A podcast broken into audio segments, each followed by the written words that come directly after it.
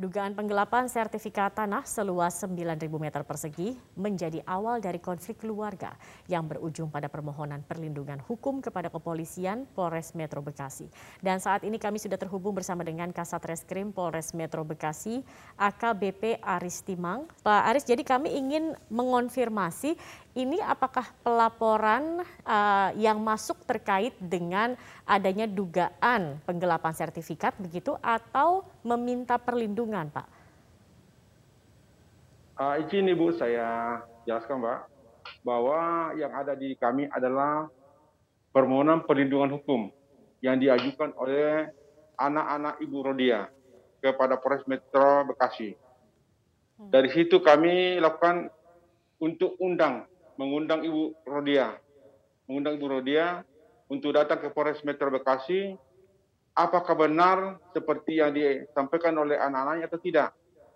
Hmm. Nah, setelah Ibu Rodia datang ke sini, kami minta penjelasan atau keterangan dari Ibu Rodia. Dan Ibu Rodia bersedia memberikan keterangan dan mengatakan bahwa sertifikat yang dimaksud oleh anak-anak adalah masih sama Ibu Rodia. Dan bahkan diperlihatkan kepada penyidik. Baik, Pak Aris, ini yang meminta perlindungan ini anak pertama kah atau anak yang mana ini Pak? Ada delapan anak kalau tidak salah ya dari uh, Ibu Rodiah ini. Uh, ini atas nama Ibu Sonia, uh, lima anaknya Ibu Rodiah yang mengajukan perlindungan hukum. Baik, jadi Ibu Sonia yang meminta perlindungan hukum bagi ibunya begitu? Ya betul. Atas diduganya penggelapan atas sertifikat yang di dikuasai oleh Ibu Rodia. Baik, uh, mohon mungkin dijelaskan Pak Aris. Jadi kalau informasi yang diterima ini kan justru Ibu Rodia sebelumnya ini uh, bermasalah dengan anak pertamanya, kalau nggak salah tidak dengan uh, anak pertama hingga anak kelima seperti itu. Mereka meminta uh, pembalikan uh, nama sertifikat tanah da, uh, dan menuduh Ibu Rodia ini menggelapkan sertifikat tanah. Mengapa kemudian sekarang meminta perlindungan hukum bagi Ibu Rodia? Uh, itu Pak, kami saya tidak bisa menjelaskan ke situ. Saya hanya menjelaskan sesuai dengan yang disampaikan kepada Polres Metro Bekasi Kabupaten. Masalah sertifikat. Kalau ada permasalahan yang lain kepada antara anak dengan ibu, oh, itu tidak ada kami tidak mengetahui ke situ. Baik. Uh, kemudian perlindungan seperti apa yang akan diberikan oleh uh, pihak kepolisian mengingat anak ke-8 mengatakan justru ibunya sering mendapatkan teror dari kakak-kakaknya atau dari Kami pihak hanya yang melaporkan. Klarifikasi kepada Ibu Rodia, apakah benar sertifikat yang dimaksud oleh anaknya setelah sampai di Polres kami jelas kami tanyakan dan ibu menjelaskan bahwa hmm. sertifikat yang dimaksud masih ada sama saya dan diperlihatkan kalau untuk masalah sering diteror itu kami tidak disampaikan ke sini, tidak ada penyampaian ke Polres Bekasi Kabupaten kalau ibu hmm. sering diteror sama anaknya. Baik. Kalau begitu Pak Aris tadi ketika Ibu Rodia uh, mendatangi Polres, apa saja yang ditanyakan dan apa fakta yang ditemukan dari keterangan yang diberikan oleh Ibu Rodia ini? Jadi hanya yang pertanyaan kami hanya sekitar masalah sertifikat. Sertifikat itu nomor 00787 Uh, dari hasil keterangan penjelasan dari Ibu eh, Rodia bahwa sertifikat itu masih dipegang sama Ibu Rodia. Hmm. Baik, artinya ketika sudah ada laporan ataupun uh, yang dikatakan meminta tadi ya perlindungan hukum dari uh, anak uh, yang pertama ya Ibu Sonia ini, uh, kemudian apa proses hukum yang akan di um, selanjutnya yang akan dilakukan oleh pihak kepolisian, Pak Aris? Uh, baik Pak, kami saya jelaskan.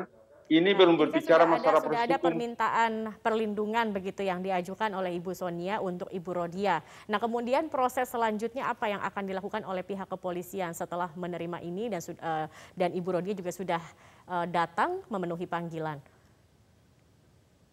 Jadi ini saya jelaskan Pak, ini bukan panggilan, tapi undangan.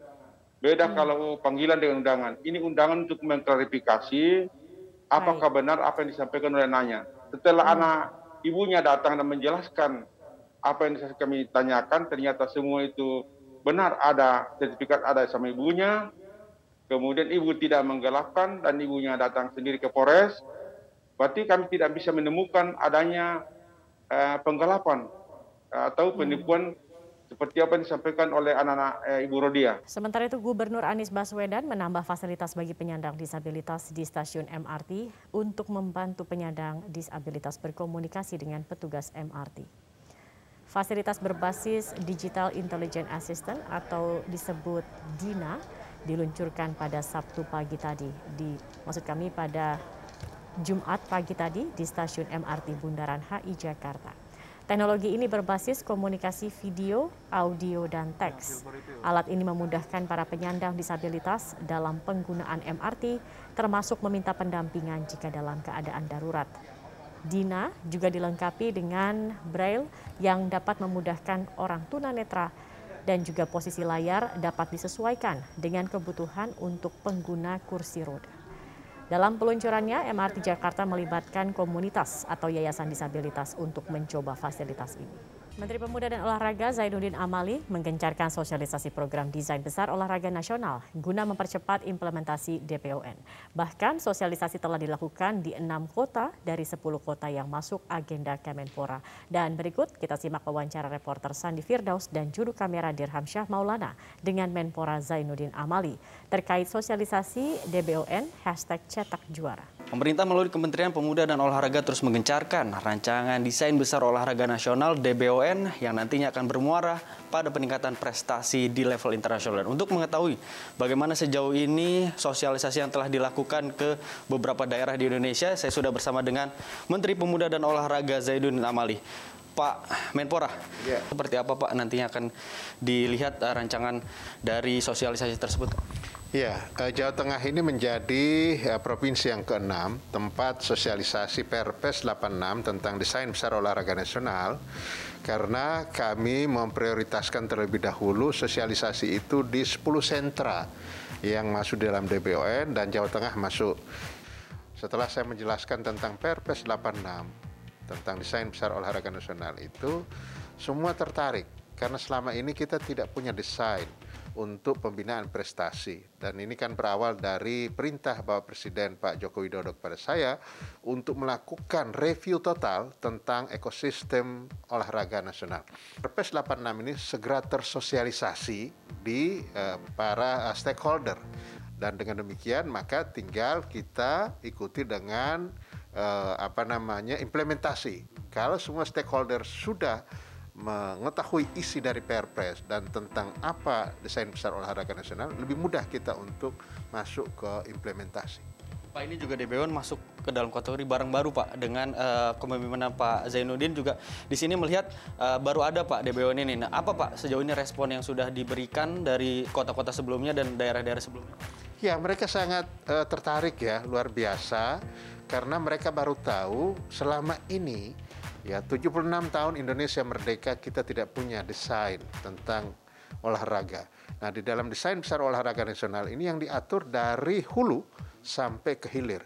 Hulunya itu adalah kebugaran masyarakat, kegemaran masyarakat untuk berolahraga, olahraga menjadi budaya di tengah-tengah masyarakat, menjadi lifestyle dari masyarakat itu sendiri dan hulunya ah, hilirnya adalah prestasi. Sama Pak Menteri dengan ada DBON ini apa Pak yang akan nanti goals selain juga prestasi yang akan didapat Pak?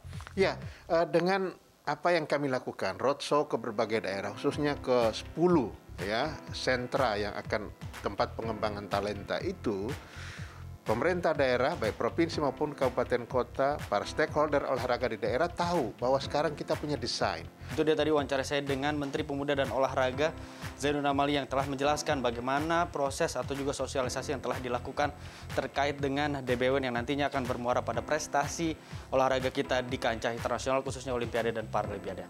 Sebuah bus Transjakarta milik PT Mayasari Bakti rusak parah usai menabrak separator busway di jalur busway menuju halte Polda Metro Jaya Tanah Abang, Jakarta Pusat pada Jumat siang.